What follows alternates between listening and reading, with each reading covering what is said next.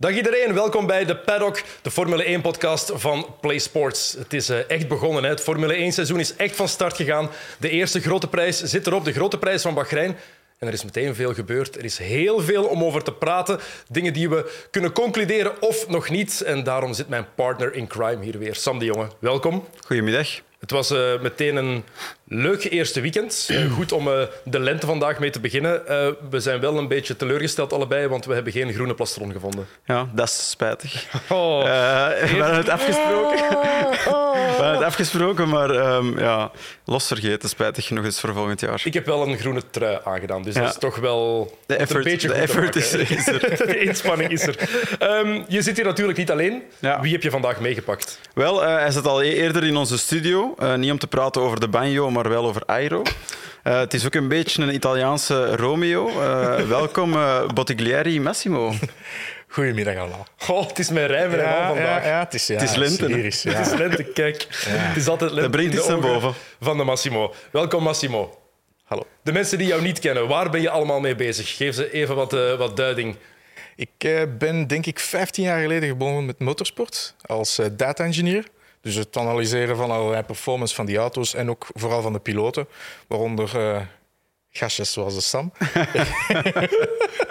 Daarna met feedback van gastjes zoals Sam moest ik de auto ook gaan verbeteren. Dus dan ben ik race engineer geworden en performance engineer om uiteindelijk technisch directeur te worden en dan uh, managing director van het uh, factory team van uh, Lambo. Van Lambo, daar zit je nu nog altijd? Daar heb ik mijn ontslag gegeven een tijdje geleden wegens, laten we zeggen, privéplannen en privésituaties. Ja. ja, als je Motorsport is intens, hè? Is heel intens. Kun je ook aan mij zien. Uh, mijn haarlijn kwam hier en op drie jaar is het helemaal weg. Uh, 15 kilo bij, dus ja, dat, dat, ja, dat weegt wel op een, op een mens. Maar je hebt nog wel toekomstplannen in de, in de autosport? Ja, ik ben nog altijd bezig in motorsport. Uh, nog altijd met Lambo eigenlijk. En, uh, en in die competitie, in die monobrand competition. Ja. En ook nog altijd ambitie om naar de Formule 1 te gaan? Of hoe zit dat eigenlijk? Goh, wel, ik, ben, ik ben eigenlijk beginnen studeren in Engeland. Ja. Ook, denk ik, 15 jaar geleden om motorsportingenieur te worden in de Formule 1. Maar ja, direct instappen in Formule 1 is moeilijk. Hmm. En ik heb dan GT-wagens gedaan. En ik ben daar eigenlijk wel verliefd geworden op, op de discipline. Hmm. Als één gast beslissen wat er allemaal gaat gebeuren en daarvan de kick krijgen, ja, dat, dat, dat werkt een beetje als een terug. Ja. ik echt toegeven. Ja, en ik denk dat dat misschien ook wel een interessant onderwerp is om, om aan de mensen thuis iets meer over te vertellen van hoe intens het zou zijn als je in de Formule 1 terechtkomt. Ja. Dan, dat is een redelijk eh, single-focused eh, leven dat je dan moet leiden. Hè? Dus ik denk als je in een privéleven wilt uitbouwen, maar in genieten van je, van je passie, wat autosport dan is en auto's, maar in die job ook kunnen doen, dan, dan kan dat bijna niet anders dan buiten de Formule 1. Hè? Is het in de Formule 1 zo moeilijk of bijna onmogelijk om een deftig privéleven te hebben? Als je daar echt zo hard in zit? Alle mensen waarmee ik gewerkt heb die in de Formule 1 waren, zijn of gescheiden of ja, hebben een hartaanval gehad of wat dan ook. Dus er zijn heel weinig die het heel lang rekken. Of je moet echt Adrian Newey zijn en aan de top zitten en een bepaalde vrijheid meekrijgen. Maar anders is, is dat eigenlijk niet te doen. Zeker als je meer reist, hè, denk ik. Als je meer reist met het team, uh, trackside dan, uh, ingenieur bent, dan zeker niet. Maar zelfs denk ik in de factory, de uren, ik weet zeker, ook bij ons in Formula I, die jongens die. Dat was ochtends om zeven uur waren die op kantoor en die, die, die verlieten de kantoor s'avonds om acht, negen uur, soms later. Dus dat is wel echt leven voor je job. Het is niet dat je er thuis niet meer mee bezig bent dan. Hè?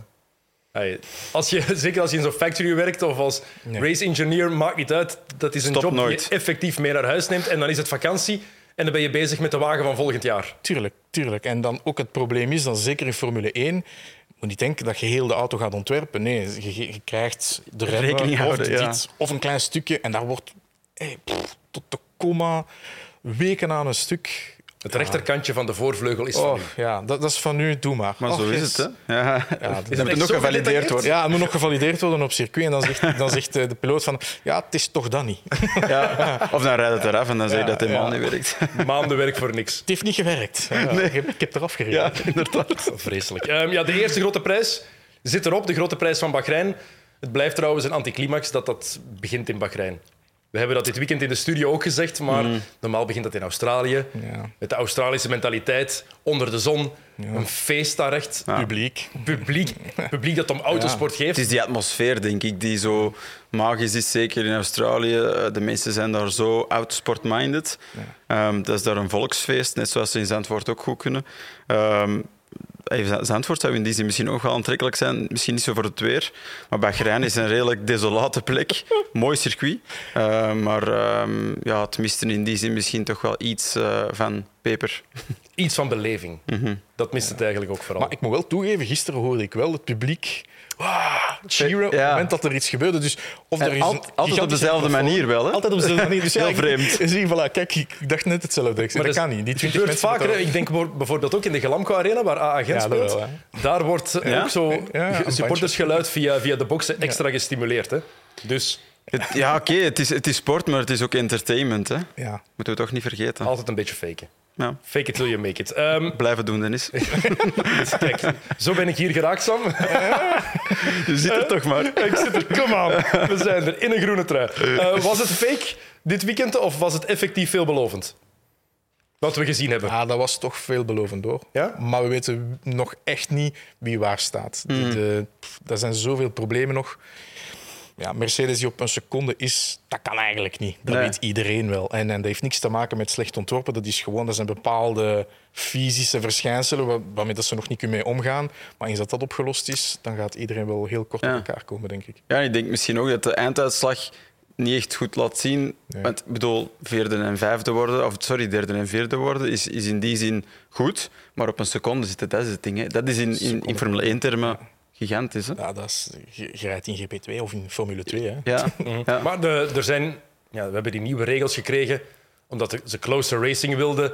Gemakkelijker inhalen, beter kunnen achtervolgen. Ja. Hebben we dat nu ook echt gekregen? Hebben we, kunnen we dat al afleiden uit die eerste wedstrijd dat dat mogelijk was? Het was toch de eerste keer dat ik zag dat er vier, vijf keer voorbij gestoken kon worden met twee dezelfde auto's. Ja. Dat heb ik eerlijk gezegd nooit gezien. Dus ik denk wel dat het veelbelovend is. Maar oké, we gaan wel zien. Ja, we moeten denk ik nog een aantal andere circuits hebben met andere karakteristieken om echt te gaan bepalen of dat het totaalplaatje klopt, eh, waar ze naartoe wilden met de Formule 1.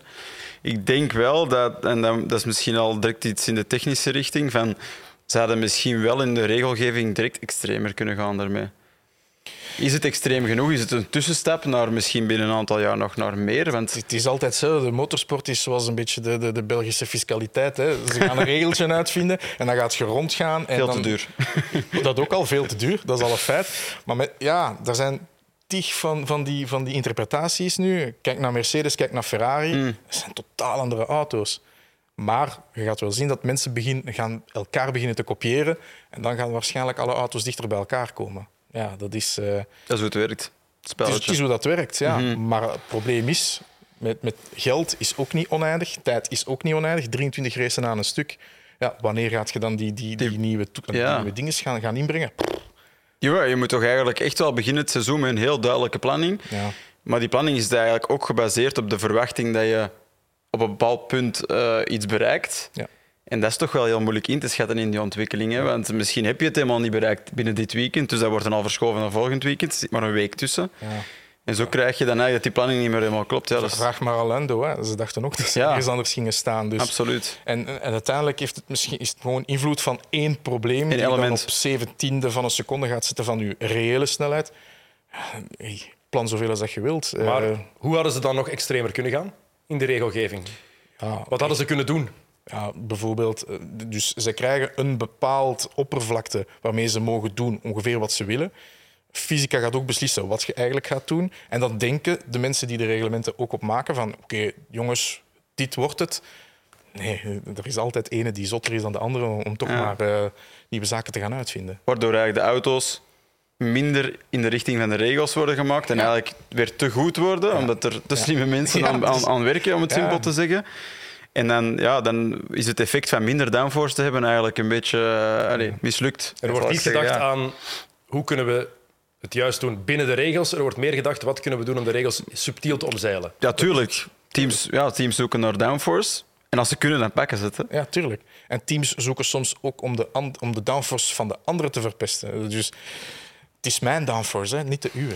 Dus zo, zo, zo werken die Nee, het gasten. is duidelijk, ja. Massimo Ja, is ja, nee, maar oh, oh, er vanaf. hè. Het was gewoon duidelijk de downforce van Ferrari dit weekend. Hè. het was alles van Ferrari dit weekend. We zullen beginnen met het positieve.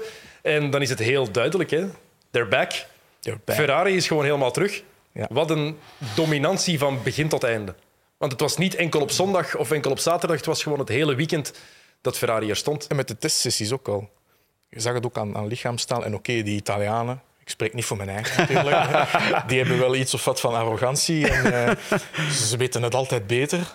Schat, echt, ik meen het niet. Maar ja, toch. Je zit hier met twee Antwerpenaren. Hè. Ja, wij, oh, wij, oh, ja, kennen die ja, vooroordelen. Ja, ik Helemaal.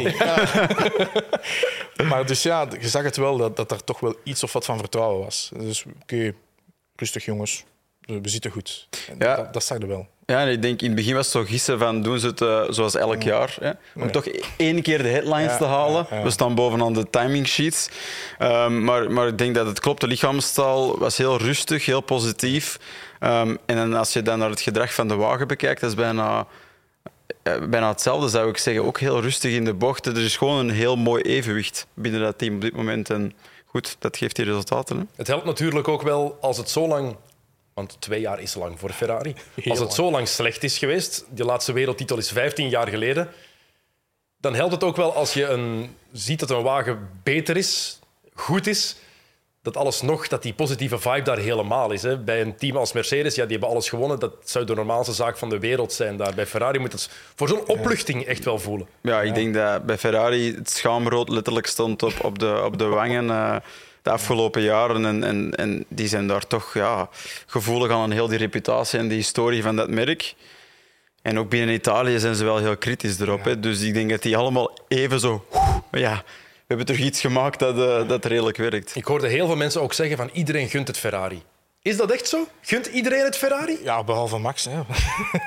Ja, Ja, iedereen gunt het wel een klein beetje, want uiteindelijk gaat je alles gaan aanpassen om toch iets of wat van gevecht te hebben. Ja, en enkel Mercedes en Red Bull of Mercedes en Ferrari in de strijd hebben, dat, dat- ja, niemand interesseert zich daarin. Dus je wilt zoveel mogelijk teams hebben, dus hey, leuk, Ferrari is back. En, eh, en laat ons hopen dat ze nu weer niet zeven seizoenen aan een stuk alles gaan winnen, want dan wordt het weer al niet meer. ja. Het is ook- maar het is wel een beetje zoals bijvoorbeeld ja, Barcelona en Real Madrid in het voetbal, zoals de Lakers in, in de NBA. Die grote ploegen, of je ze nu haat of je er fan van bent, je wil ze erbij. Ze moeten er gewoon bij zijn.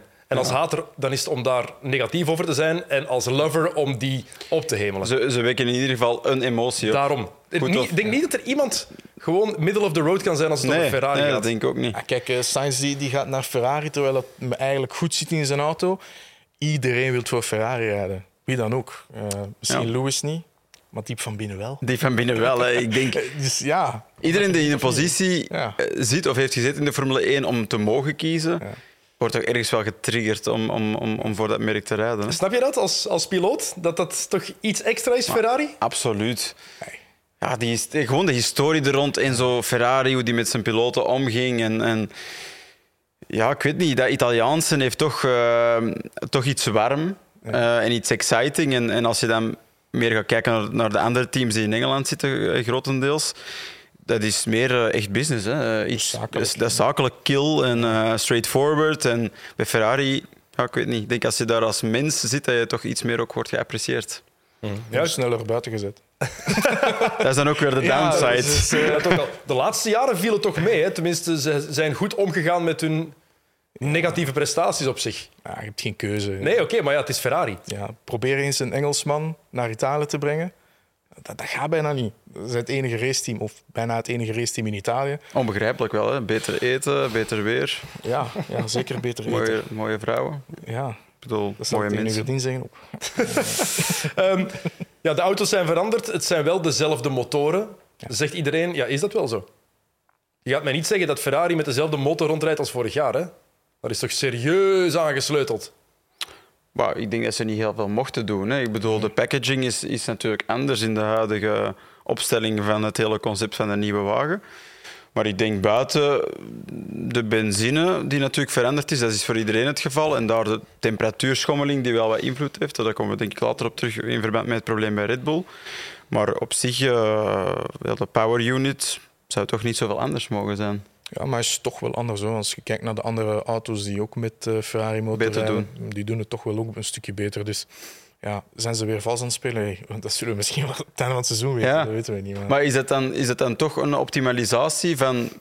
Uiteindelijk, de regelgeving blijft hetzelfde in die zin. ja, Dus toch, het is, ja. toch iets meer vinden uit het huidige concept. waarschijnlijk iets optimaliseren en ook, ja, zoals gezegd, nieuwe details die ervoor zorgen dat je toch wel een verandering hebt. Dat Ja. je toch wel extra kunt gaan uithalen. Ja.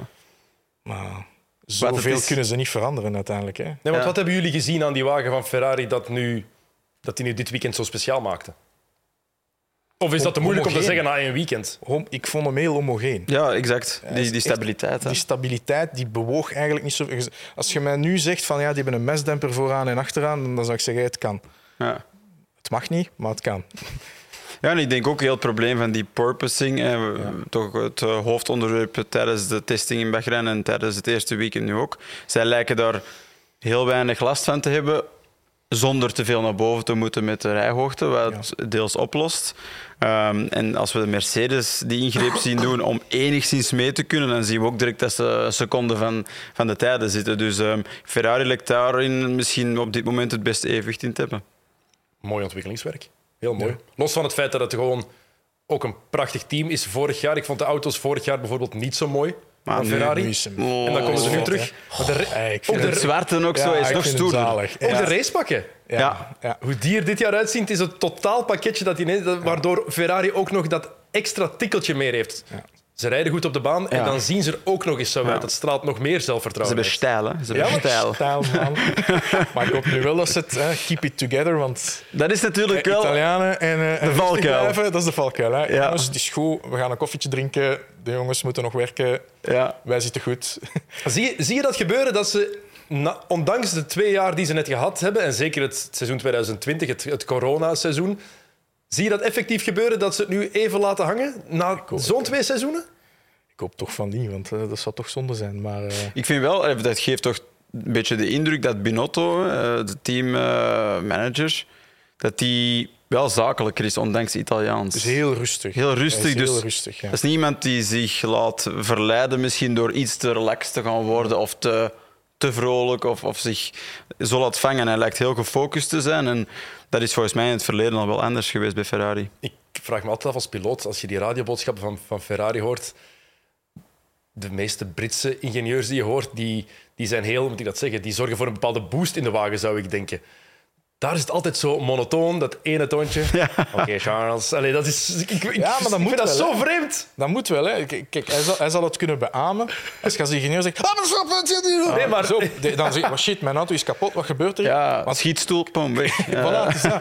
Communicatie is niet altijd zo duidelijk. Hè. Nee, maar kijk naar Mercedes of bij Red Bull, daar is de communicatie ook heel duidelijk. Maar toch zou, zou ik denken, als piloot zou mij dat iets meer motivatie of Nee. rust geven. Het kan aan Nee. mij liggen, daarom dat ik het jullie vraag. hè. Nee, ik denk wel, zeker op dat niveau, die piloten die, die weten exact wat ze aan het doen zijn. Die hebben echt geen pep-talk eh, nodig. Eh, misschien push, misschien in andere sporten is dat iets meer, dat ook vaak teamsporten zijn. Hier heb je duidelijk je rol. Eh, als piloot is dat op zondag vooral alles kunnen bundelen en de job doen. Ehm, en dan wil je toch zo weinig mogelijk ehm, andere impulsen. Hè. En dan kan zelfs een radioboodschap, zeker op de foute momenten in je ronde, hè, voor de remzone of zo, pff, dat kan je echt wel uit, eh, uit je flow halen. Dus ik denk wel dat ze dat, ze dat goed doen. Zeg je nu echt dat Formule 1 geen teamsport is? Jawel, ja, het, is absoluut, ja, het is absoluut een teamsport, maar op zondag is er maar één iemand die het echt eh, anderhalf uur lang kan, kan doen en dat is wel de piloot. Ja, en het, maar het team kan het wel verpesten. Ja, ja, ja, sowieso. Maar er is maar één iemand die de wagen bestuurt. hè. En je hebt ook een teamgenoot. En we zagen wel gisterenavond Carlos Sainz. En die was gewoon teleurgesteld. Die kon dat niet wegsteken. Ook al was het 1-2 voor dat is Ferrari. Ja. Maar dat is nu al. Dat dus- mooi. Ja. Het is die, die- allee, hij heeft eindelijk weer eens een podium. P2, sorry, hè, echt niet slecht.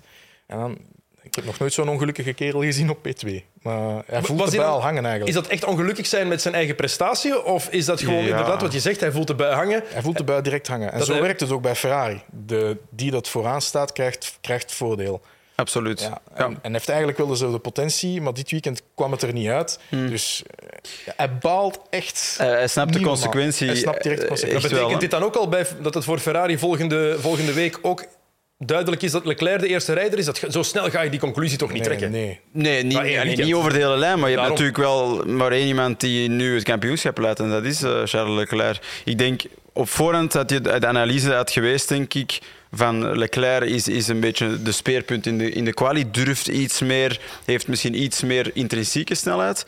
En Sainz is de mature piloot die eigenlijk het altijd doet werken, nog vo- vorig jaar, eh, de punten binnenhaalt en dan in de long run zou je kunnen zeggen, tijdens een kampioenschap haalt hij het misschien boven Leclerc, maakt minder fouten.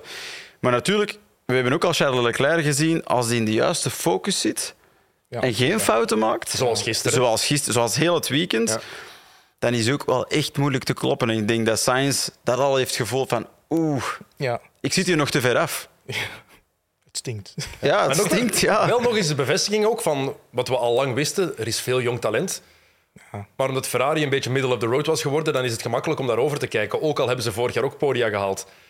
Maar Leclerc en Sainz, daar heb je twee jonge gasten bij waar het talent gewoon ja, zo overduidelijk bij te zien is. En, en natuurlijk, het wordt best moeilijk als je een wagen hebt om te winnen. Hè. Ik bedoel, dan, dan wordt het ook tussen twee teamgenoten lastig. Eh, Ik bedoel, op dit moment, om even te switchen naar Mercedes, eh, vooral Hamilton, Russell, op voorhand heel veel over gezegd. Tijdens het afgelopen weekend heeft niemand zich nog de vraag gesteld, is Russell bedreigend? Omdat het op dit moment niet relevant is. Ik bedoel, dit is bijna een zachte introductie in de relatie tussen die twee piloten, wat eigenlijk Mercedes ten goede komt. Want stel nu als ze wel een wagen hadden ha- gehad die vanaf het begin eh, capabel was om te winnen, had hij misschien wel direct die clash gehad hè? tussen een Russell die bam, zijn punt wil maken en Hamilton is al established. Ik denk dat Mercedes het in die zin wel gemakkelijker heeft nu. Hoe lang gaan Sainz en eh, Leclerc nog vrienden blijven? Tot, eh, tot de eerste crash zeker. Ja, inderdaad. Ja, ik denk dat dat klopt. We- zien, niet- zien jullie ze effectief tegen elkaar rijden? Ja, op een bepaald moment gaat het toch wel gebeuren. De Ja, ene gaat toch wel zijn kans willen, willen pakken. Ik bedoel, als Carlos plots ziet van kijk, nu eindig ik ervoor, ik krijg punten, ik zit, dan ben ik nummer één in het team, dan gaat hij het toch doen. Ja, vanaf dat Carlos Sainz eigenlijk eh, een stap maakt in zijn snelheid en erbij is, dan, dan heeft hij veel kansen. Hè? Dan gaat hij ook proberen. Hè? Ja. Klopt. Eh, je zei het al, Mercedes daar geen discussies over wie nummer 1 en nummer 2 is, omdat het niet aan de orde was. Gewoon, dit was de ultieme damage control die ze bij Mercedes konden, konden krijgen dit weekend eigenlijk. Ja. Plaatsen 3 en 4. Ja, met een gelukje nog, hè, natuurlijk. Maar Ja, Maar daar hadden maar ze op toch wel indrukwekkend. Hadden ze op voorhand voor getekend. Ja, dat denk ik ook. Ja, dat denk ik heb ik nooit hè. Hamilton zo blij gezien bij een derde plaats. Eh, Nee. die, was, eh, die was echt opgelucht. En zij weten ook wel van, kijk, lossen wij dat probleem op, dan zitten wij wel op een andere planeet. Ja. Het is niet een echte seconde. Een echte seconde vroeger in de, in de vorige era, dat was... Als je op één seconde ziet, ja, mijn auto is eigenlijk al bijna doorontwikkeld. Eén seconde, dat is Maar niet leg dat nu eens uit voor de, voor de autosportleek of leken die niet in het vak staan, die niet weten wat het is om aan een auto te sleutelen, zoals ik bijvoorbeeld. Ik weet niet wat het is, hoe je dat dan... Dat, je zegt nu, er zit zoveel potentieel in. Hoe zie je dat? Hoe weet je dat die auto met de juiste aanpassingen een kampioensauto kan worden? Puur en alleen door het probleem dat ze hebben. Dus Ja. die, die porpoising, dat is, dat is, het heeft zo'n invloed. Terwijl de auto, je ziet al hoe extreem ze zijn gegaan met, met, met die sidepods. Eh, het is ook Mercedes, ze weten nog altijd wat ze doen. Dat zijn, dat zijn geen toeristen. Dus ja, als ze het zelf ook zeggen van... Jongens, we hebben hier zoveel potentieel, maar we kunnen het er nog niet uithalen. We moeten gewoon onze auto afstraffen omdat we een gigantisch probleem hebben. Ja, natuurlijk, ik zit niet binnen in de garage, maar je gelooft toch wel wat, wat, wat je hoort en wat je ziet. Ja, inderdaad. Ik denk dat als, als we het juist begrijpen, hebben ze de rijhoogte omhoog moeten doen van die wagen om die purposing eigenlijk tegen te gaan. En die purposing, dat is dat op en neer op botsen en van die neer. wagens. Ja, het is eigenlijk niet botsen. Hè. Het, is, het het, is- een het vicieuze cirkel van het, effect van downforce dat werkt. Het is, het is eigenlijk een instabiliteit. En Ja. instabiliteit betekent gewoon kortweg wetenschappelijk. Je doet iets en dat onderhoudt zijn eigen en dat wordt zelf nog erger. Maar het Dus je ziet er eruit doen. als een wagen die op en neer stuitert. ja. Zo ziet het eruit. Ja, en, hij kan, en hij kan dus evenveel vooraan als achteraan stuiteren, maar ook enkel de voorkant of enkel de achterkant. Ja. En als we weten hoe belangrijk aero is op die auto's, die balans verandert continu. Die verandert continu. Ja. Dat is, dat is, onbestuurbaar. ja, je hebt- Dat je is hebt- onbestuurbaar. Voor, een- voor, een, voor een fractie van een seconde heb je je ultieme downforce eigenlijk, wat je moet hebben. En die gaat terug weg en die komt terug en die gaat terug weg. Heb je het al Dat meegemaakt in een wagen? ergste. Ehm, nee, nee, zoiets heb ik. Ja, Hij heeft het wel mee, maar niet op die manier. niet op die manier. Hè. Want bijvoorbeeld de proto's waarop hij rijdt, is de voorkant. De voorkant raakt aan de grond. Als je de grond raakt, komt daar geen lucht onder. Dus wat doet hij? Die voorkant, die voorkant gaat terug naar boven. Maar dat wordt dan gedempt door de schokdempers, door het design van de auto. Opgevangen eigenlijk. En ook, ja, er is niet, eh, ik zeg maar, drie ton eh, aan, aan aero op die auto's. Nee. Dus dat speelt toch wel een groot voordeel. En hier op zo'n Formule 1, dat is eh, pff, gigantisch hard. Ja. Het moet onmogelijk zijn om een wagen dan ja, deftig te kunnen, te kunnen besturen gewoon ook. Ja, Wat en, wat de piloten ook zeiden zelf. Hè? ja, en daarom gaan ze dus om, omhoog met de, met, de, met de rijhoogte, om dat dus te voorkomen. Maar dan zit je plots met een wagen waarvan je misschien, ik weet het niet, hè, 40% van het potentieel niet gebruikt. En dat is dus hetgeen, denk ik, wat, wat wat er nu duidelijk wordt van, kijk, het potentieel is er, hè, maar ze moeten het kunnen unlocken door iets te vinden dat ze toch terug naar beneden kunnen met rijhoogte en niet de purposing hebben op dat moment. Maar Is het mogelijk om te voorspellen hoe lang dat duurt voor zoiets opgelost is? Want je zegt dat het is en blijft Mercedes. Ze hebben lang genoeg bewezen dat ze top zijn. Acht wereldtitels op rij, denk ik, met, bij de constructeurs. Ja. Constructeurs, ja. Dus als er één team is dat weet hoe het kampioen moet worden, dan is het wel Mercedes. Maar hoe los je zoiets op? Hoe snel vind je een, een oplossing voor een gigantisch probleem? De eerste oplossing was om inderdaad die auto naar boven te halen. Maar, dat heeft Maar een concrete oplossing natuurlijk. Een concrete oplossing, dat kan eender was zijn. Dat kan zelfs de ophanging zijn die, die ervoor zorgt dat die auto een andere pitchbeweging heeft bij die porpoising. Dus, dus dat kan gewoon de vloer zijn die net iets meer afsluit en dat de lucht iets Ja. stabieler is onder de vloer. Want dat is het eigenlijk. Die lucht is onstabiel, komt los van de diffuser en oh, druk gaat weg, maar dan komt die terug, maar niet op dezelfde plaats. Dus uw centrum, waar, dat, waar dat uw auto eigenlijk op drukt, die, die zit continu te Verplaatst. verplaatsen. Dus, en dat is een beetje het probleem. Als je dat iets of wat stabieler kunt eh, gaan, gaan behouden, ja, dan eh kun je wel winnen. Maar er zijn zoveel mogelijkheden. krijg je zoiets opgelost in vijf dagen? Want het is komend weekend. Als je is het vindt wel, is er Als je vindt wel, inderdaad. Maar het is, het is, het is Misschien gewoon- moeten we dat eens sturen naar hun. Ja, ik ga, ik ga een keer een gaan sms antwoorden. Brief, sturen. als je het vindt. En dan zo. Hi Toto, this Wolf is zo? Zo, hi Toto, this is. Sam from Belgium. Zo, koptelefoon. Godverdomme, die mannen hebben het gevonden. Hè. Die mannen in België. Die Dennis die kan echt alles. Maar wat zijn de conclusies nu voor Mercedes? Eh, in mijn ogen twee dingen al heel duidelijk, wat we ook al wisten. Natuurlijk is Hamilton nog nummer één daar. Ja. Want heel veel te doen geweest over gaat Russell Hamilton bedreigen.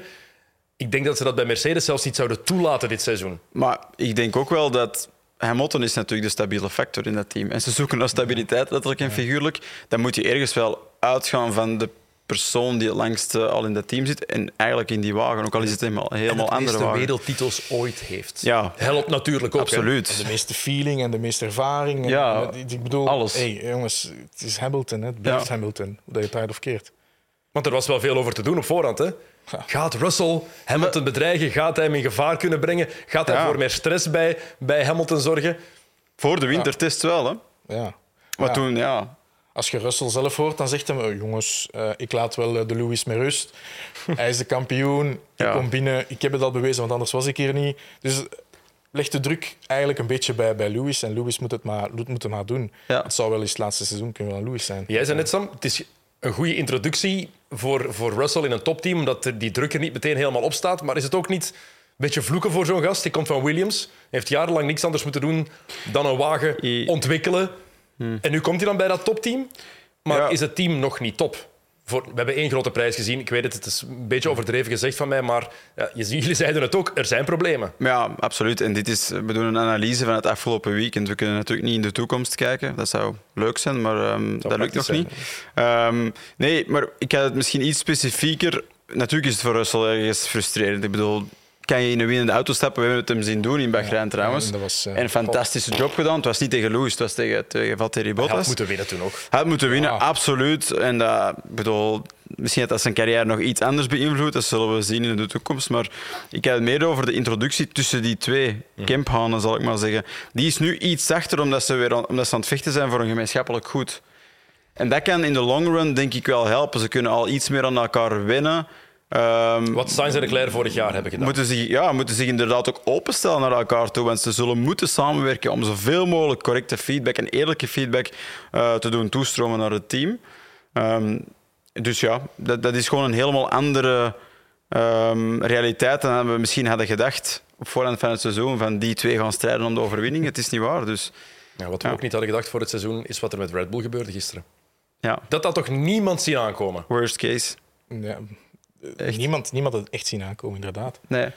Maar het is, het is echt zo kort op elkaar dan nog. Dan is het van, ah shit, ah, punten kwijt. Oké, maar het is goed, we hebben nog 22 races. En Perez valt dan ook uit en dan, dan, Dan wordt het toch even... ja, dan, dan, dan begint het. Ja. Ja, Ik, want ik, ik heb live kunnen zien gisteren tot rondje 52. Toen reden ze gewoon nog allebei mee. Ja. Ja.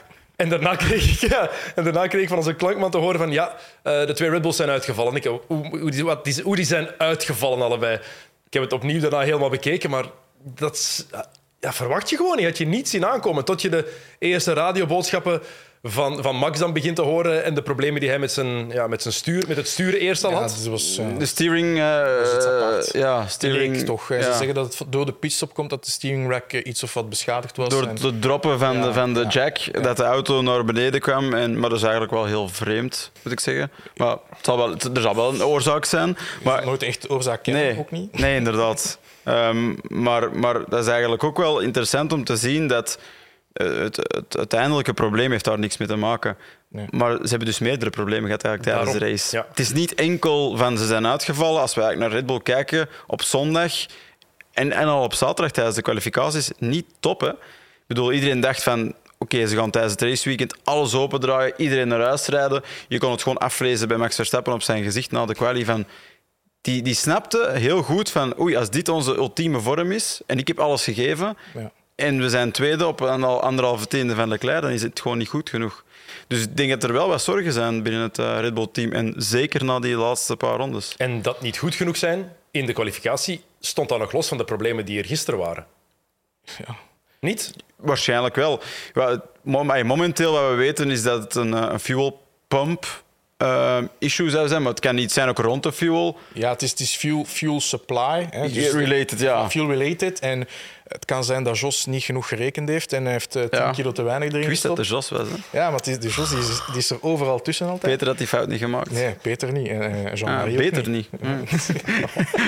Ehm, nee, Dat kan, dat kan zijn, Ja. maar het probleem is dat alle teams die hebben dezelfde benzinepomp. Die hebben allemaal dezelfde fuelpomp. Dus of je hebt net de twee slechte gehad uit de doos, hè, maar dat zou mij toch wel verwonderen. Of er is echt wel een probleem, een issue die iedereen gaat beginnen krijgen. Ja, ja, inderdaad. Dus eigenlijk binnen, de, binnen het hele systeem van die fuelpomp zijn er een aantal standaard onderdelen die nu geleverd worden. Dat door de FIA is fout gezegd, hè. dat zijn de leveranciers. Maar de FIA heeft gewoon een tender uitgestuurd, denk ik, in 2019. eh, voor welk bedrijf? Ik denk dat het Bosch is die het aanleveren in Magneti Marelli, Ja, Italianen. Italianen. Ja. Eh, eigenlijk heeft Massimo het gewoon in zijn achtertuin gemaakt. eh, En dat is het probleem. Heb er wat materiaal over. Ik heb al een foto gestuurd naar Christian Horner. Dus, ehm, nee, Een plastieke pomp gehad. Dus, dus komt het daarvan, dat, dat, die kans is eigenlijk klein. Want anders, het, het kan, hè. het kan, maar het, is wel toevallig dat het net op die twee wagens is. Ja. Of zijn het de onderdelen er rond, die Red Bull wel zelf ehm, manufactured, eh, die het probleem hebben veroorzaakt? Eh, ja, we weten nog niet genoeg, maar het is in ieder geval ergens... Er zat fuel genoeg in de wagen, maar het is niet bij de motor geraakt. En, Ja, ik, ik heb het zelf persoonlijk meegemaakt, zoiets dergelijks. In de GT-wagens, niet op mijn auto, maar de laatste bocht, de Parabolica in Monza, zijn er toen in de laatste ronde, net voor de meet, acht auto's uitgevallen. Allemaal zogezegd zonder benzine. Dat is gewoon een cut-off valve. Ja. Dat is als de druk te laag komt, slijt die klep, die klep af. Dan komt er gewoon geen benzine meer toe naar de motor. Dat is een veiligheid om te vermijden dat als, als de motor eraf gerukt wordt, dat de benzinepompen blijven, en dat blijven die- pompen. Ja, Dus ja, het kan ook zoiets zijn als het er überhaupt bestaat op, op die Formule 1-auto's. Want het valt wel op. onderdelen kennen we niet. Valt wel op wat jij net zei, Sam. Ja, beide auto's. Hè. Dat is de belangrijkste nuance, denk ik. Als het bijvoorbeeld alleen bij Max was gebeurd en Perez was, had geen enkel probleem gehad, dan had het gewoon alleen een uitzonderlijk probleem kunnen zijn. Ja. Maar het is bij, zowel bij Perez als Verstappen gebeurd. ja, en dat is denk ik... Ook dat kan toeval zijn, hè, maar het is wel iets meer een referentie. En dan was er een probleem bedoel, ook nog bij Gasly. Maar dat is iets helemaal anders. Ja. Dat is pech. Dat is pech, Voor helemaal de. Red Bull brand, zal ik zeggen. Ja. Dat is ook nog eens een derde auto die dan stuk gaat. Ehm, maar wat er gebeurt op die Red Bulls, ja, ik bedoel, het- is natuurlijk voor alle teams trouwens. Hè. De eerste keer ehm, dat ze een echte race distance doen in real life conditions, want zo moeten we het bekijken. Ook die, die, de warmte daar in Bahrein. Heel zwaar circuit ehm, voor de auto's ook. En dan nog eens die safety car vlak voor het eigenlijk gebeurt. Dus die wagens zijn nog meer opgewarmd. Zeker aan de snelheid waarop dat hij aan het rijden was, safety car. Ja, inderdaad. Ja, dus, dus, parking aan het zoeken of zoiets? ja, Ik weet het niet. Ja, dat- wonen in Antwerpen. ja. Ehm,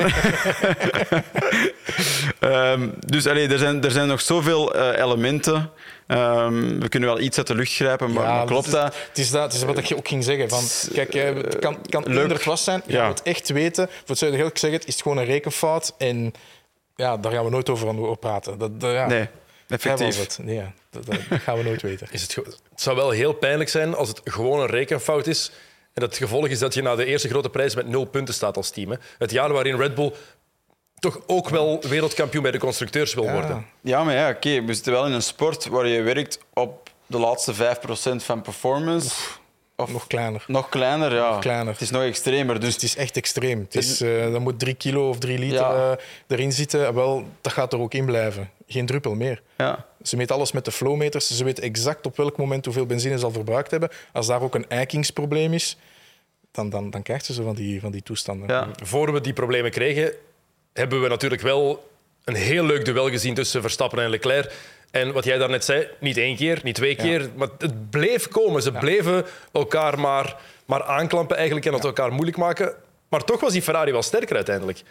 Die Ferrari was, was zeker sterker, maar ja, op een bepaald moment gaat Max ook eh, zijn wielen blokkeren, een beetje forceren, een beetje eruit. En dan, dan creëert je de gap, de gap die groter is dan één seconde. Zit je niet meer in die, in die DRS-zone of die DRS-mogelijkheid. Ja, dan, dan, dan, dan is het gebeurd. Maar ik denk wel, in vergelijking met vroeger, dat je langer in die seconde kunt blijven Ja. van die DRS. Ja. En dat gaat net het interessante maken. Zonder je banden te verkrachten, Ja, eigenlijk. Want vonden jullie het verschil op de baan tussen Verstappen en Leclerc klein genoeg? Voor de problemen er waren. Hè? Maar ik denk, er zijn ook, nog, ook daar een aantal elementen die meespeelden. De pitstops. Ehm, bij Ferrari, denk ik, de eerste pitstop bij Leclerc niet, niet perfect gelopen aan de rechterboorband. En dan ook de drop-off van die band.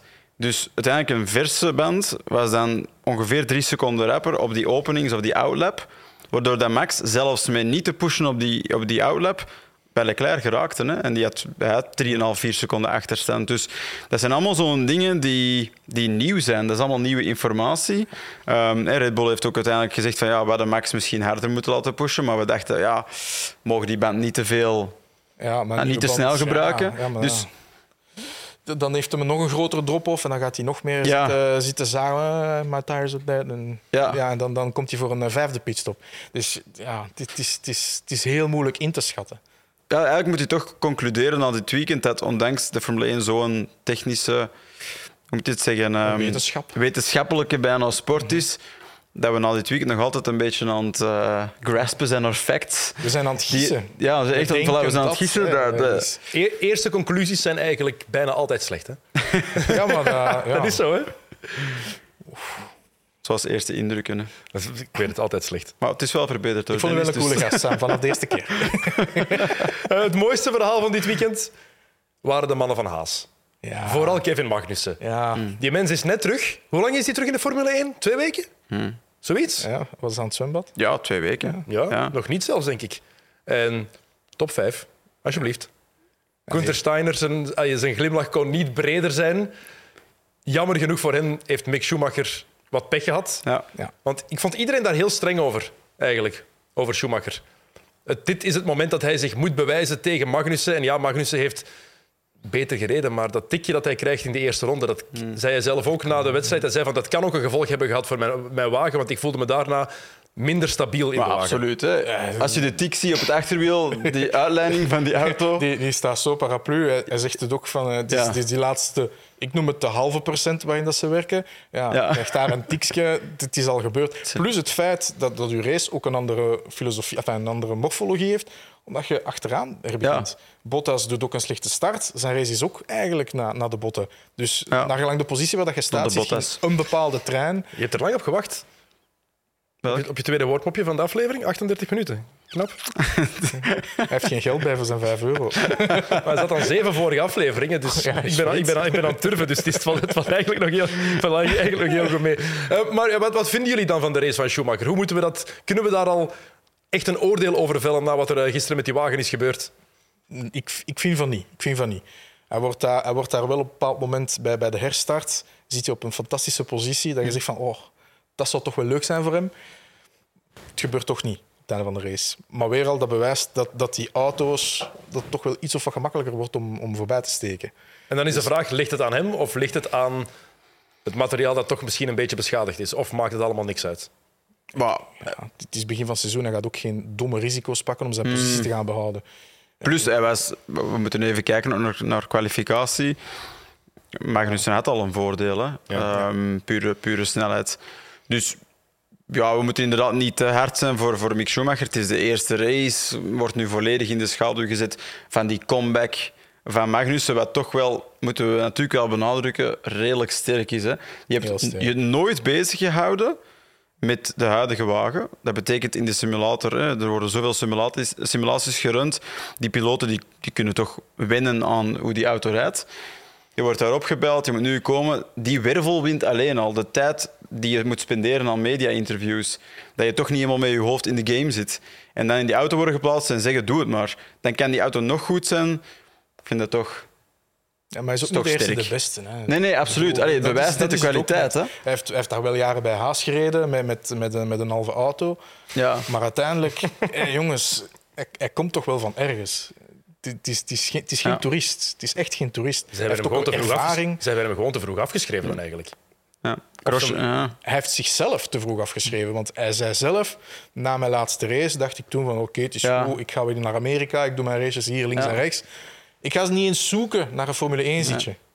Dus hij heeft zijn eigen afgeschreven. Grosjean die reed trouwens toen ook in eh, met een halve auto in de laatste race. Oh. Too, too soon. Aangebrand too uh, mopje. oh, veel te soon. Maar ja, Magnus is wel nog maar 29, hè? Ja. We vergeten dat soms. Die gast is nog altijd maar 29 jaar. Dus waarom zou die al moeten stoppen? Waarom hebben ze daar... Oké, we weten waarom dat ze weten waarom, zijn. Hè? Voor de centen. Absoluut. maar gewoon, Gene Haas die zei... Kijk, um, ik ga hier ik ga gewoon geld accepteren van buitenaf. Zeker met de cost cap die nog, die nog gaat zakken. En als die zakt, dan komt het op een bepaald moment in een window dat ik het terug interessant vind om erin te investeren. Meer van mijn eigen zak, zal ik zeggen. En oké, die moment die wordt nu versneld naar nu door, door de omstandigheden, de externe omstandigheden eh, in Rusland en in Oekraïne. Um, maar het is natuurlijk wel mooi om te zien. Ja, de grote vraag is nu, is het een one-trick pony? Ik de haas van dit weekend? Of is het effectief een haaswagen die mee gaat doen voor een deftige plaats in het, uh, in het middenveld? Ja, dat, waren twee theorieën hè, met, met de testen. Of uh, ze zijn echt, sorry voor mijn woorden, fucking licht en ja. ze proberen gewoon sponsoren binnen te halen. Ja. Of het is, het is een Brown GP. Het is geen een van de twee, het is tussen nee. één. Maar het is toch wel positief voor de jongens. Ook zeker als je het seizoen daarvoor en het seizoen ervoor wegsmijt om gewoon in die nieuwe generatie auto's te gaan, te gaan investeren. Maar toch chapeau. Maar het is eigenlijk een beetje wat je in heel wat Amerikaanse sporten hebt, het concept tanking. Ja. Je kan daar draftpicks krijgen als je slecht bent. Dus dat ze een paar seizoenen opgeven eigenlijk om dan aan de toekomst te denken. Dat is eigenlijk wat ze bij Haas gedaan hebben. Hè. Vorig seizoen van ja, oké, het maakt allemaal niks uit. We gaan onze jonge piloten zich gewoon wat comfortabel leren voelen mhm. in het Formule 1 circus. En alles op jaar nu 2022. Dat is waar onze focus op ligt. Hm. Ja. Dus het kan zomaar zijn dat andere ploegen dat ook beginnen over te nemen. Dat concept. Ik weet het niet, moeilijk te zeggen. Maar in ieder geval, het is een gegunterd. Oh, hoppa. Kijk. Die zit nog klaar. Uh... ik zag u al vijf minuten aan een stuk voorbereiden. Ik dacht al, wanneer zwijgt Dennis? ik bedoel... Nee, nee, maar... Um... 37 minuten nodig gehad om even geroteerd te worden en dan, dan komen ze vanzelf. Dat is een nieuwe motor. Hij zat op hard. um, McLaren, daar moeten we misschien eens over praten. Want toch ook wel uh, de teleurstelling, denk ik, van het weekend. Ja, dus het is echt een drama. Hoe verklaar je, hè, want ze zitten daar met, met, met problemen op de, op de vooras, met de, met de voorremmen die oververhitten. Hoe een grote impact kan dat hebben op het hele aerodynamische? Niet alleen op aerodynamische, op, op, op het geheel. De remkracht zorgt ervoor dat uw auto een bepaalde dive krijgt. Dus een bepaalde balans, mechanisch en aerodynamisch. Ja, ik bedoel, het heeft een gigantisch invloed. Het heeft gewoon een gigantisch invloed. Dat, dat, dat, dat verpest de hele setup van de auto, want je gaat de band ook niet gebruiken dat je die zou moeten gebruiken. Dat, dat is... En de bocht begint wanneer je begint te remmen. Ja, je ziet dan, je ziet dan gisteren Ricciardo of Ricciardo, of dat ze het ook maar willen zeggen, Jij bent wel een late, is een late breaker. absoluut. En, het is de, king of the breaks. Ja. En gisteren, ja, hij leek op mij. He was broke. He was broke, ja. Dus dat, dat, je ziet wel dat, dat dat een groot probleem is. En het, het helpt helemaal niet. Ja, want als het alleen Ricciardo was geweest, hadden ze nog kunnen zeggen van ja, maar hij is ziek geweest, hij heeft die laatste testdagen, Ja. de laatste drie testdagen niet meegemaakt. Dan heb je, Ja, ja. heb je gewoon nog een excuus. Nu is er geen enkel excuus. Dus, dit is effectief gewoon terug naar de Stoffen van Doornendagen.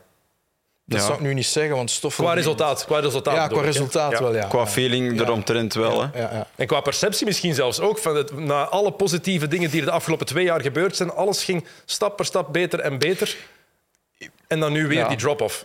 Ja, maar die drop-off die, die, is, die is er echt pas dit weekend. Tijdens de testen viel het eigenlijk nog goed mee. Dus Zeker kan- Barcelona was, Zeker was Barcelona goed. was eigenlijk goed. Ja. Maar Bahrein dan weer niet met, die Heel zwaar. met de remmen. Heel zwaar voor de remmen, Bahrein. Ja, Ehm, Barcelona meer die flow, eh, snelle bochten. lateraal, continu. Ja. eh, is... Dus allee, Ja. dat wil natuurlijk wel zeggen dat er ergens wel iets in die wagen zit. Wat er toen in de, Ja. in de periode Stof van Doorn, Alonso, zat er niks in. niks- zat geen niks in. Nee, voilà, GP2-engine. Ja, ja. Volgens Alonso toch. Dus, maar allee, dat is misschien dan wel het bemoedigende. Er zit ergens het potentieel, een beetje zoals bij Mercedes, in een andere vorm. Ehm, maar ze moeten, ze moeten dit probleem wel tackelen. En dan, wie weet, zien we toch een redelijk goede McLaren-team. hè. Maar wat is een redelijk, goede, een redelijk goed McLaren-team? Ja. Wat is dat? Ja, maar wa- wat, mogen ze daar Wat is de referentie voor ons? Hè? Denken we in McLaren die top Ja. 3 moet zijn of niet? Want dat denk ik. eh, Dat gaat dit jaar denk ik Nee. niet gebeuren. Het was toch wel het doel van dat team hè, om geleidelijk aan effectief voor die derde plaats constant mee te strijden. Niet één keer uitzonderlijk, ah, we staan derde, applaus. Nee, Ja. dat McLaren weer McLaren wordt. Ja, maar die, McLaren moet weer McLaren worden, Ferrari moet weer Ferrari worden, Mercedes moet ja. Mercedes Er zijn. zijn maar een aantal plaatsen Dus vooraan. er Hè? zijn maar drie podiums, allee, de drie plaatsen op het podium. Ik wil Dus, gerust vier ja. teams tegen elkaar zien strijden hoor, voor Oh ja, de maar ik ook. En met, echt met heel veel plezier zelf. Maar ik bedoel daarmee echt gaan voor zeggen, wij zijn derde. Ja. En dat komt wel allemaal in orde. Dat is gedaan, denk ik. Ja, Het is, denk er ik zijn ook. eigenlijk te veel teams die kunnen, mee, kunnen meespelen. Ja, plus eh, achter de schermen hebben ze eigenlijk vooral geïnvesteerd in. Ik denk dat ze zo gezegd binnen twee jaar moeten pieken. Ja. Ze hebben eh, hard geïnvesteerd. Ik denk dat ze een nieuwe windtunnel Ja, ook bij McLaren. Eh, wat natuurlijk een gigantische kost is. Ehm, ja, het is natuurlijk een nieuwe generatie. Dus oké, we hebben dat momentum van de vorige generatie. En natuurlijk willen we met z'n allen ergens meedromen dat het verder gaat. Maar het is eigenlijk een nieuw eikingspunt nu. Hè? Het heeft niks mee te maken. Nee.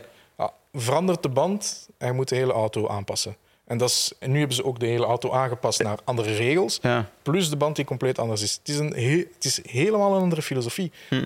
Je kunt niet meer voortbouwen op... Ja, je kunt wel voortbouwen op de fouten die je gedaan hebt van de jaren daarvoor. Meer structureel dan nieuwe organisatie. Meer Ja. organisatie of je gaat eh, bepaalde fantastische ideeën die eigenlijk geen fantastische ideeën waren, die ga je niet meer een tweede keer uitproberen. Nee, dus nee. dat is wel het enige voordeel die je hebt. En ze hebben echt wel heel veel slechte ideeën gehad eh, vroeger. Dus eh, Ja. dat is al een voordeel. Bij Alfa Romeo hebben ze goede ideeën gehad. Heel goede ideeën. Dat zag er eigenlijk ook best veelbelovend uit. Als Bottas daar niet zo'n vreselijke start heeft. Ja, ik weet niet wat dat hem daaraan toe was, maar... Het is niet de eerste keer dat Slaapt vaak, hè? Ja, ja, ja. Die, Het is een rustige jongen, hè. Ja, die Finnen die doen vaak eh, power naps. Maar het is wel Kimi inderdaad niet de eerste keer dat hij een slechte start maakte, Bottas. Op een of andere manier krijgt hij dat niet voor elkaar. Ehm, maar ik vind het ergens wel zo opvallend als je de prestatie nu ziet van Valtteri Bottas en... Ja, hoe moet je het eigenlijk zeggen? Hè? Guangzhou. Joe?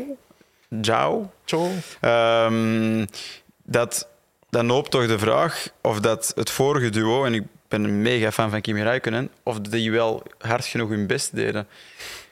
Want allee, ik vind dat je kan een goede wagen ontwerpen, maar ik vond het hele Alfa Romeo-team sterk dit weekend. zo. En we weten van Kimi dat hij niet graag in de simulator zat. Daar word ik Giovinazzi- ziek van. Hè. Ja, hij werd er ziek van, of, of toch zo gezegd.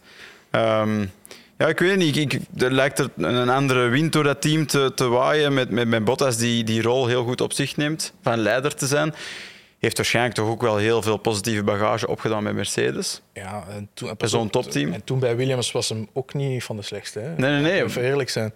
Nee. Dus daar ook weer, daar brengt je wel een, een, een heel goede item binnen in het team. Kan rijden, heeft heel veel ontwikkeld, weet wat structuur Ja. is.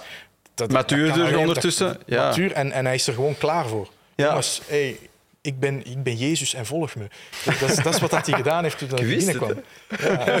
Daarom zit hij hier. Daar- Eh, de uitspraak, blijkbaar is het officieel. Wang Yuzhou. Zhou. Zhou. Guang Yu Zhou. Zhou. Dat moest dus zo. Dat weten we. voilà, dus dan weten we het Dank meteen. u, Dennis. Kijk, Ja. Zo. het, was, moest dus zo. Ja, maar is het nu Ricciardo Streep. of Ricciardo? Ah, Ken je, ken je dat? Ken je dat eentje? Nee, maar het ding is blijkbaar, dus Danny Rick zelf zegt Ricciardo, maar zijn vader zegt nog op zijn. Italiaans Ricciardo. Ricciardo. Dus ja, Ricciardo. dan mag je kiezen. Hè? Anekdote, hij leefde toen dat hij in Europa kwam bij mijn, eh, de piloot waarvoor ik eh, gewerkt heb, eh, Andrea Caldarelli. Hij woonde daar Ah, ja. als in de opvangfamilie. En daar ook was Ricciardo of Ricciardo. Dus zij hebben hem altijd Ricciardo genoemd. Oké. En hij zei Ricciardo. dus ja, Hij spreekt zelf ook geen Italiaans, denk ik. Hè? geen, geen, geen woord. Dus, ja, allee, Jawel, een beetje de basis, maar dat doen alle piloten. Margarita Bolognese, la dat kunnen we allemaal. en, ja. Bira. En, Als je af en toe langs een dat Giovanni loopt in Antwerpen, dan allee, de, de prego's vliegen nu om de toch, oren. ja, pikt het toch op. Hè? Je hebt geen keuze, die vliegen nu om de oren. Prego, prego. Ehm, nog een teleurstelling erbij halen? Graag. Aston Martin. Meer een verwachte teleurstelling, vind ik. Allee, ik. Ik vond ze erg mak overkomen tijdens de testing. Ze hebben ook heel veel moeite met, eh, met het minimumgewicht. Eh, Ze zijn eigenlijk veel te zwaar. Ik heb ook dat probleem. Maar, eh, Oké, goed. Maar dus, ja. Ik vind persoonlijk, hè, als ik kijk naar een Sebastian Vettel, de eigenlijk een heel grote kampioen, hij Absoluut. staat daar ook een beetje bij van... Heb ik wel Uitbollen. goesting? Ja, Ja, absoluut. Hij heeft heel veel Kimi Raikkonen-vibes. ik vind, ik Het vind is zelf tof, maar het moet allemaal niet meer. Hij is, ja, hij is heel veel bezig met, Ja. met de wereld te verbeteren. En pas op, is, respect. eh, hè. respect. Maar Op een misschien goede moet je, manier, maar ik wel, op een positieve manier. Op een heel positieve manier. En, en gelukkig is hij daarom nog in de Formule 1. Want hij heeft daar gelukkig dan een platform om, om zijn stem te gebruiken. Maar de vraag is natuurlijk, als je misschien in je hoofd daar al zoveel mee bezig bent, kan je dan nog, heb je dan nog genoeg ruimte voor een sport zoals Formule 1, die, die heel veel van je hersenen, Lewis kan het. hersencapaciteit... Maar ik, ik Lewis, denk dat ja, het ik moet, weet het moet, moet toch wel kunnen. Maar En het verschil- onderscheidt Lewis misschien van de rest. Hè? Maar je merkt toch gewoon, ook als je, als je Vettel hoort via radioboodschappen vaak, en vroeger hoorde, dat verschil in drive is toch heel duidelijk aanwezig. Die goesting lijkt, want ja, we Ja, kan niet in het hoofd van Sebastian Vettel kruipen. Ja. Daarom dat ik ook zeg, de perceptie is zo. Het lijkt alsof het voor hem ook allemaal minder moet. Hè? Het is nu gewoon tof. Ik ben blij dat ik nog in een Formule 1-wagen mag rijden, maar dat is het dan ook. Misschien ga ik wat kort door de bocht, maar zo komt het voor mij wel over. Kort door de bocht. hè. Onbewust. Oké. Ah, ja. Nee, maar het is, het, is het is gewoon een heel delicaat. eh, het is een delicate analyse dat we moeten doen daarover. Want je- we mogen niet zeggen dat het zo is. Ja, daarom dat ik zeg, het niet- lijkt voilà, zo. De we mogen niet concluderen, maar ik vind ook dat het zo lijkt. Je hebt dan nog eens een teamgenoot naast u met, de- met de uitstraling van een vod. In, in, in Lance Stroll, Ik bedoel, dat is ook niet bemoedigend. Eh, Kunnen we daar wel zeggen dat het meer is dan dat het lijkt alsof hij er geen goestingen heeft? Ja, als Hulkenberg komt op zijn badsloeven en, eh, en even hem naar huis rijdt, ja, dan heb je toch wel een zwaar probleem.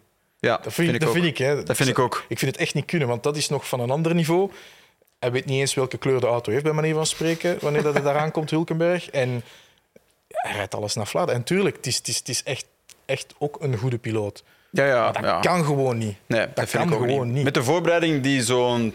Welke voorbereiding? Ja, alleen ik bedoel, de voorbereiding die Ah, Stroll ah, heeft. die Stroll heeft, ja. Hè, die, die, die, die, die twee racepiloten krijgen voor het seizoen. Ja, sorry, maar dan moet je toch in de focus zitten dat je, dat je alles eruit kan halen. En nu lijkt hij gewoon, ja, lijkt gewoon vaak niet echt zin te hebben erin. En Het is geen werker. het is geen werker, Het is nee. geen voilà. werker, helemaal niet. Het kan toch niet dat Lawrence Stroll, vader, eigenaar van een team, dat hij daar niks over zegt tegen zijn ploeg, het is een, eh, tegen zijn zoon. Het is een duidelijk hardwerkende mens, anders word je geen miljardair. Klopt. Dat is heel simpel. Ja. Het kan alleen maar door ongelooflijk hard te werken of door te sjoemelen. Want die mens heeft duidelijk hard gewerkt in zijn leven.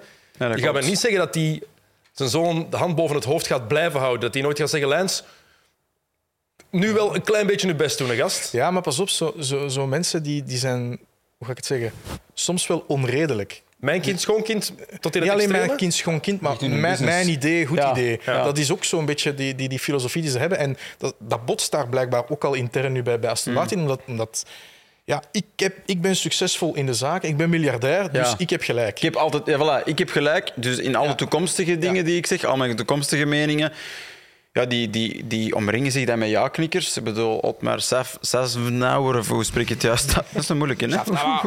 hoe zeg je het? Weet jij het? Nee. ik hoop dat Saf, mij... Ik vond Otmar Saf gewoon een goed. Otmi. Ehm, eh, die is naar Alpine gegaan. Uh, ook omdat hij zei van, hè, er, mag maar, uh, er kan maar één pauze zijn binnen een team. Um, ergens moet hij toch wel... Safnauer is het trouwens. Safnauer? Ja, ja, ja. Safnauer, um, officieel. Die moet toch eigenlijk wel de verantwoordelijkheid krijgen en de vrijheid krijgen om het team te leiden binnen de visie dat hij gelooft.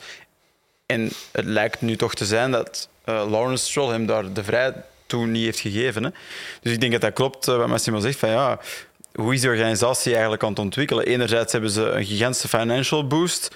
De plannen lijken leuk, maar goed, de dynamiek moet ook wel. De plannen zijn gigantisch leuk. Ja. Als je ziet wat hij wil bouwen qua, ja. qua infrastructuur en, en, het idee dat hij heeft. En hij is, dat is een visionair sowieso. Maar hoe dat je het gaat dan toepassen. En people management, people management voelt iedereen zich er wel goed? Ja, ik weet niet. Gewoon de feit dat hij, hij is eigenaar van het team en hij staat daar naast de auto bij de presentatie van de auto. Dat zegt eigenlijk heel veel. Ja. En zijn, zoon, en zijn zoon is, de, is een van de piloten. Dat, komt er nog eens bovenop. Ja, dat komt er nog eens bovenop, ja. ja binnen het team moet dat sowieso... Oké, het is al jaren zo, maar als Lance nu zou presteren, dan maakt dat niks uit. Nee. Dan geeft niemand erom dat het zijn zoon is. Ja, en om toch nog even te benadrukken, Lens is getalenteerd. Hè? Anders, ga, haal je, anders haal je niet drie keer het podium. We, we halen hem hier er niet onderuit omdat we vinden dat hij niet kan rijden. Hè. Hij kan echt rijden. Hè. Hij heeft, ook al kreeg hij de beste kansen in de, in de, in de ladder richting Formule 1, hij zit daar tegen een aantal grote concurrenten en heeft hij ook verslagen. Um, dus het gaat meer inderdaad over die werkhouding die je in topsport, denk ik, toekoer, maar in, in Formule 1 zeker met zoveel data en zoveel analyse. Ja, als, je, als, je die, als je niet wilt vooruitgaan, dan, dan sta je letterlijk stil in die sport. En over goesting, hè? Goesting, de goesting om, te, doen. Te, willen rijden. Maar kunnen ook, je kunt fantastische piloot zijn, heel goed rijden, maar eigenlijk helemaal niet kunnen werken. Helemaal niet kun, kunnen, kunnen gaan en, en feedback geven. Ja. Kom jongens, we moeten dit, we moeten dat. En het probleem van, van iemand zoals de vaderstrol, het is allemaal fantastisch als het allemaal goed gaat. Maar om dan te leven met zo'n kerel in je team wanneer het niet goed gaat, ik zou er niet bij willen zijn. Echt niet. Het moet een nachtmerrie zijn. Ja, absoluut hel. Zeker iemand, zoals je zegt, die zo succesvol in het leven is geweest, die verwachten ook altijd het allerbeste. En die zijn het ook gewoon dat hun ideeën inderdaad werken. En als het dan niet werkt, het gaat niet aan hen liggen. Hè? Nee. Je hebt het gewoon slecht uitgevoerd. Dat is echt bend or break. Hè? Ik bedoel, dan liever kapot gaan en uh, langs de achterdeur verdwijnen dan te willen toegeven dat de filosofie niet klopt. In de spiegel kijken is voor, voor, is voor een andere reden. Bij, vele, bij veel van die mannen. Uh, Alfa Tauri, Williams en Alpine, daar zullen we het volgende week nog wel over hebben. Uh, na het volgende weekend, want we kunnen niet te diep op alles ingaan. en Alfa Tauri, ja, dat is heel spijtig. Die pech voor... Ja. Voor Gasly, ja. die wel redelijk vlot uit zijn auto sprong.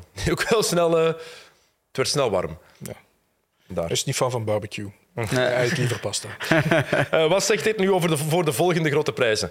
Want we hebben enkel het circuit gezien in Bahrein, zoals je al zei. Het is een zwaar circuit daar. Uh, het is niet het snelste circuit altijd. Dus wat zegt dit nu voor de volgende grote prijzen? Ik, ik durf er mijn geld er niet op zetten. Puur en alleen door het feit dat er die, die grote problemen zijn bij, bij al die teams. Het kan zo zijn dat, dat McLaren de volgende keer uh, die staan op, op 2 en 3. Het kan allemaal. Dus ik ga daar mijn geld niet op, niet op zetten. Maar Ferrari heeft het al wat gemakkelijker, laten we zo zeggen. Ja, ja ik, denk, ik denk dat we deze week al, dit weekend, of, uh, ik denk dat we daar al een beetje hetzelfde gaan zien als afgelopen weekend. Hè. Het lijkt me mochten daar eh, heel veel gevonden zijn. Misschien dat er een aantal auto's iets beter werken op, op, op dit circuit dan, dan in Bahrein.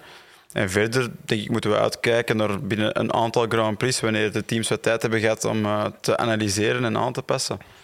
Maar momenteel denk ik niet dat er veel gaat veranderen aan de rangorde. Oké. Okay, um, ehm, komend weekend is het in Jeddah. Wat betekent dat? Wat voor, voor circuit, wat voor race verwachten jullie daar? Heel snel circuit, hè? Ja, dat wel. Nog maar één keer gezien. Daar zeker? Ja, één keer. Vorig jaar. En volgend seizoen, ja, volgend seizoen is het een echt circuit, een, een andere layout. Nu is het een stuk statuscircuit.